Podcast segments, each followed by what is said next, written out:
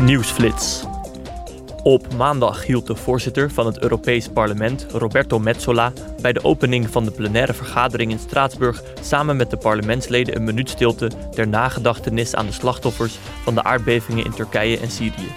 Metsola zei: Our thoughts Onze gedachten gaan uit naar de families van de overledenen, de mensen die vastzitten, die gewond zijn en naar alle reddingwerkers die in een race tegen de klok dag en nacht alles op alles zetten om levens te redden. to save lives. Voorzitter Metsola verklaarde dat Europa achter de bevolking van Turkije en Syrië staat en voegde eraan toe dat het mechanisme voor civiele bescherming van de EU is geactiveerd en dat er hulp wordt gestuurd.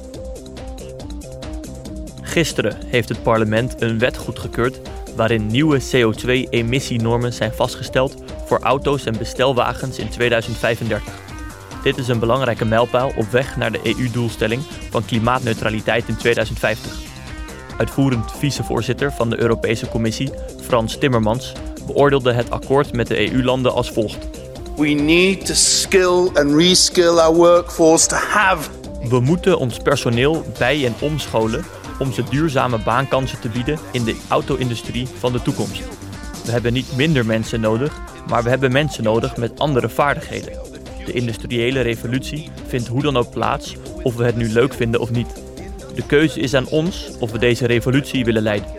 We kunnen ervoor kiezen om dit op een manier te doen die sociaal verenigbaar is met onze waarden, of we kunnen de leiding aan andere delen van de wereld overlaten, waarna we alleen maar kunnen volgen. and then all we can do is follow. Gisteren bespraken de parlementsleden ook de vertraging van de ratificatie van het verdrag van Istanbul in zaken het voorkomen en bestrijden van geweld tegen vrouwen, zes jaar nadat het door de EU was ondertekend. Vandaag zal het Europees Parlement een resolutie aannemen waarin Bulgarije, Tsjechië, Hongarije, Letland, Litouwen en Slowakije worden opgeroepen het verdrag zonder verder uitstel te ratificeren. Dat zijn namelijk de zes overgebleven landen die het verdrag nog niet hebben geratificeerd.